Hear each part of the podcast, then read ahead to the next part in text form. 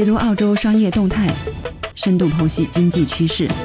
SBS 系列播客《澳洲经济观察》为您呈现最新的商业洞察。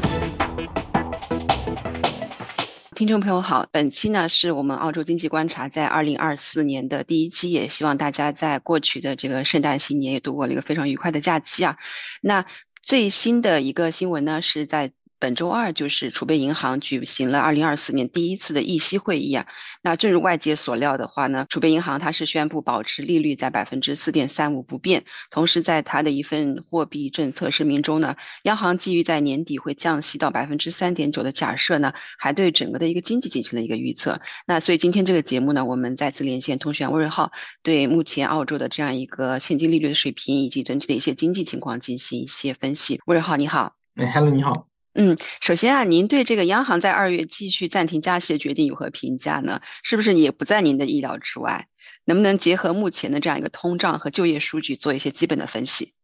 嗯，这次利率不动没有什么特别大的意外，尤其是在呃整个一月份呃有比较更多的一些经济数据出现。嗯因为呃央行呃央行其实从今年开始，它的呃利率会议的节奏和宣布的方式方法。啊，都发生了比较重大的改变。然后呢，呃，包括呢，这次是史上第一次，在会议的声明发布之后，啊，央行行长是举行记者招待会的，他有一个发布会，然后呢是这个啊专门出来讲话，这个呢和以前是不一样的，就有一点点开始更像美联储的一些做法啊，除了一份声明之外，央行主动的让行长出来沟通，那么。呃，在这之前呢，因为呃央行休息了一个月，所以数据比较多。嗯，这个数据呢，大多数来看都指出了一个比较明确的方向，就是澳洲的通胀呢在加速下行。所以在这次会议之前呢，呃是没有任何人预期它会有什么利率的变动的，或者说在上一次会议的时候呢，那是在去年的十二月，那那时候是依据十月、十一月的一些数字。那么在呃去年三季度时候呢，澳洲通胀是有一些反复的，所以很多人很担心。啊，会不会这个央行还要再加息啊？甚至可能有市场可能有小三分之一的呃一些经济学家吧啊，都觉得还有加息的风险存在。但这次数据是非常非常明显的了啊！一方面啊，整体的通胀是跌到了四点一，啊，下跌下跌幅度非常快的啊，这个很重要。而且呢，连续四个季度下行，嗯啊，除了这个之外呢，如果我们去看呃月度的数据，月度的通胀的下行呢也是非常非常明显。啊，这个啊信号非常强烈，在这样强烈的信号情况下呢，央行没有任何理由是要去加息的，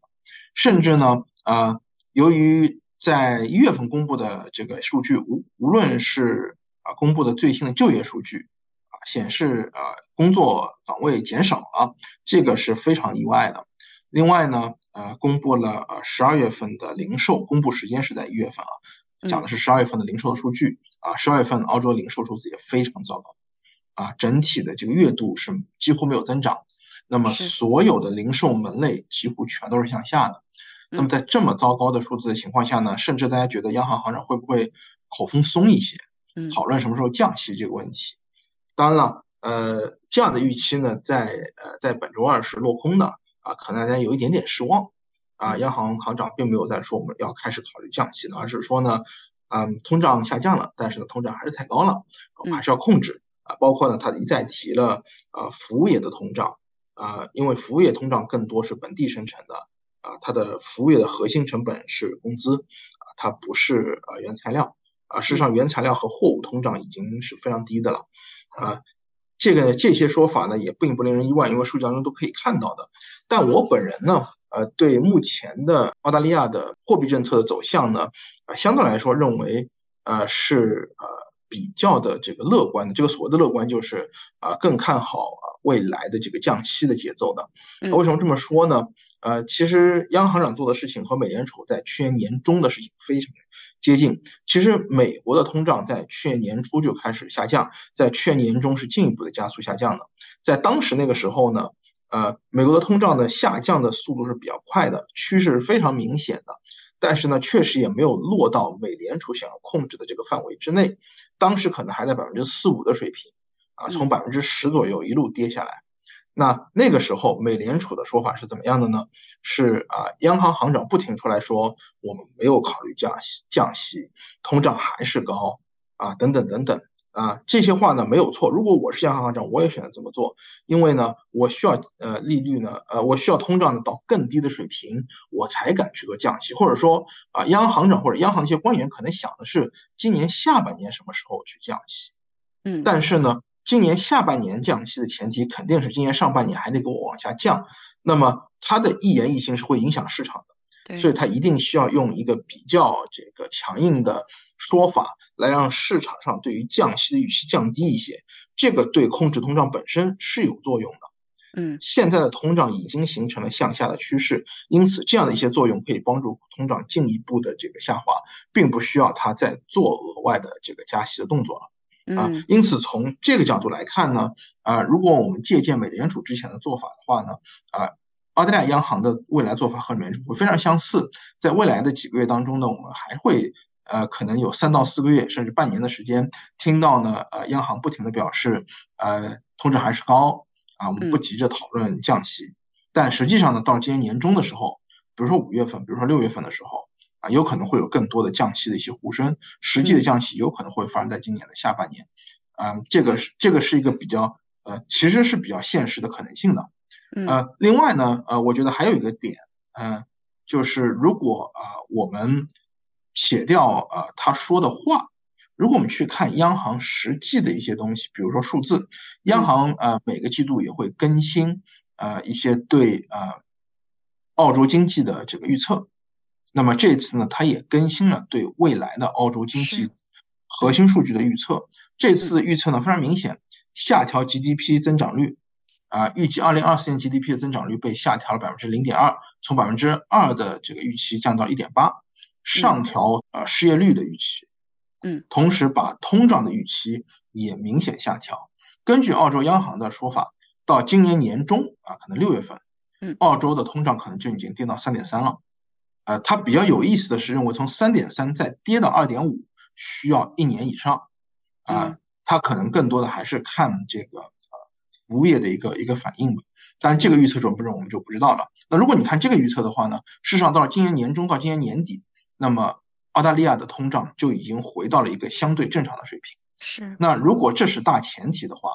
啊，从这个角度出发，目前的。啊，利率水平是略高于一个啊适中的利率水平的。嗯，啊，我们撇掉他说什么，我们看他实际做的和实际看的数据，所有的数据都指向了啊，货币政策已经到顶点，货币政策到今年下半年应该是恢复到正常水平，而不是这个偏紧的，而应该是一个中性的货币政策。这就意味着呢，啊，在今年下半年澳大利亚降息的可能性，我个人觉得是比较大的。嗯，所以在周二的这个发布会上，这个米歇尔他的口风是非常的谨慎，正如您所说，他的一言一行可能对市场也会产生一些呃联动。那他就是说，央行假设年底会降息到百分之三点九，但他强调说这只是假设，仅此而已。那也就聊到说，降息其实对于很多的房贷的持有者来说，他最关心的不是暂停加息，而是什么时候降息。那上周的新闻当中，我也看到，在澳洲的四大银行中有三家银行分别在预计啊，说在明年的年中，就是二零二五年年中到年末的时候，可能大致的现金利率会降到百分之三左右的预测。呃，那关于这样一个降息的节奏或者幅度而言，包括您刚刚也提到了一个正常的一个现金利率的一个区间嘛？那您个人目前现在的这样一个预测是怎么样的？这个其实呃完全是和通胀挂钩的，呃，如果通胀确实能够重新回到央行控制的范围，也就是二到三之间，央行最理想的是二点五左右，就不要到三，嗯。啊呃到二的话呢，央行也会觉得呃太低或者经济有低迷的现象。那么如果你的正常通胀在二出头的话，呃大概率你的正常现金利率确实就应该在三或者三出头，啊，通常来说你的现金率应该比通胀高一点点。啊，但不需要高很多这样的一个一个水平啊。从这个角度来讲呢，你刚才讲了一些银行的预测，呃，我觉得就是银行的预测，其实这个更接近市场的实际猜测，就是呃，澳大利亚的通胀呃，到今年下半年会呃进一步这个呃放缓，这个放缓之后呢，啊，通胀不会再是一个巨大的问题了。嗯，那么到了明年的时候呢，澳大利亚通胀会回到正常的央行想要控制的水平。那么通胀如果是从四点几跌到二点几，那么利率就应该是在三或者三出头一点。那么这意味着呢，呃，从现在往后走的话呢，就应该从四点三五降到三左右或者三出头，也就是说可能呃有百分之一到百分之一点二五的这样的一个降息的幅度啊，这个呢意味着可能四到五次降息。那么一开始的降息呢可能不一定很快啊，它实际的节奏可能是两到三个月一次。那么在一年的过程当中呢，啊降个四到五次，那么它也就完成了。啊，至于说会不会到更低更低，或者啊恢复到。疫情前或者疫情过程当中的极低的这个利率水平，就百分之一到二的利率水平，嗯，那需要澳洲的通胀跌到二以下，那啊，这个意味着呢，这个通胀过低，央行要宽松啊，这个到现在来说，呃，说的有有有一些早吧，啊，其实现这些预测都是啊都是很困难的。啊，因为我们可以看到未来三到六个月趋势，十二到十八个月的趋势是非常难判断的。那么央行一定是到时候根据实际的通胀和经济情况进行调整。我们可以看到的是，目前的澳洲经济的压力其实是比较大的，实体经济压力是非常大的。呃，从最新的通胀的数据可以看到，从从最新的这个中国经济的放缓可以看到，澳大利亚经济对中国经济依赖性非常高的。那这些呃东西来看的话呢，都意味着通胀会快速的下跌。那么如果是从房贷呢或者还钱的角度呢，啊。我觉得，呃，大家可能可以指望，呃，房贷利率在今年下半年随着央行降息开始逐渐缓释，但是从现在开始往这个往未来推三到六个月呢，啊，可能不会有太大变化，啊，从过苦日子的角度呢，可能还有一年的苦日子要过，嗯，啊，然后呢，大家还可以关注一个什么呢？啊，其实有很多的这个市场的数字和信息都是一个预判的东西，比如说大家可以去看，嗯，固定的利率。固定的贷款利率和固定的存款利率，如果长期的固定的存款和贷款利率出现比较明显的下滑，意味着银行预期啊，央行会加速这个降息了啊，目前已经开始有这种迹象出现了。那么大家经过此前利率大跌又大起的这样的一个经验呢，我说大家也会有一些经验。呃，当真的开始出现利率大幅度下降之后呢，到比较低的位置之后呢，到时候可以重新去锁定一些这个固定利率。第一次降息是三个月还是六个月还是九个月不知道，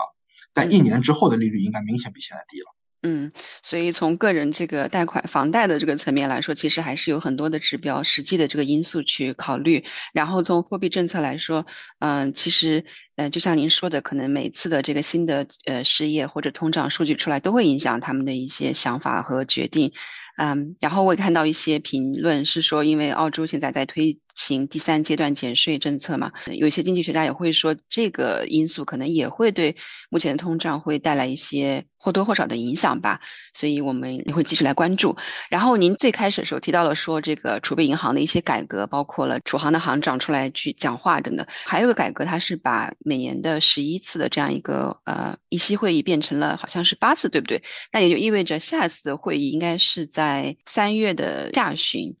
啊，对，其实澳洲央行进行了一次改革，它不再是每个月一次了，嗯，呃，变成了一个半月一次。这个是向呃美联储靠，其实它其实做法，呃，向美联储学了很多，呃，一个就是频度减少一些，因为确实没有必要呃每个月一次。呃，另外呢，呃，还有一个呢，就是更多的主动的沟通，啊，刚才讲了，嗯，第一次开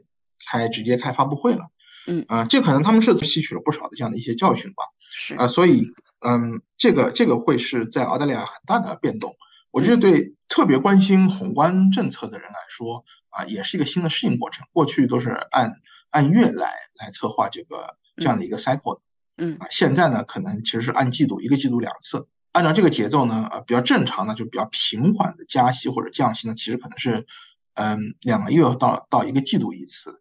啊，这个有可能在未来降息当中是这样的一个周期，啊，因为有一点我同意，就是，嗯，央行行长讲的，我们目前的本地的这个通啊自然生成的这个通胀，主要是比较高的就业所带来的这个工资的增幅，啊，服务业的这个价格的上涨，啊，使得这个服务业的通胀呢，啊，它比较粘性比较强，它降的可能会比较慢，嗯，所以呢，当通胀到了三左右，它可能会降的很慢。因此，央行不会急着连续降息啊，这个可能是未来的一个节奏。我觉得大家都是一个适应过程啊，我也是个适应过程，全新的变化。对，且看央行这个接下来在啊新的时代里面会会有什么样的一些变化。是的，新的一年，新的行长，新的呃央行的一些制度，那我们也期待说，在三月的应该是下旬吧，然后再做这样一次关于现金利率，包括澳洲的这个货币政策的一个更新。好的，非常感谢魏瑞浩，谢谢。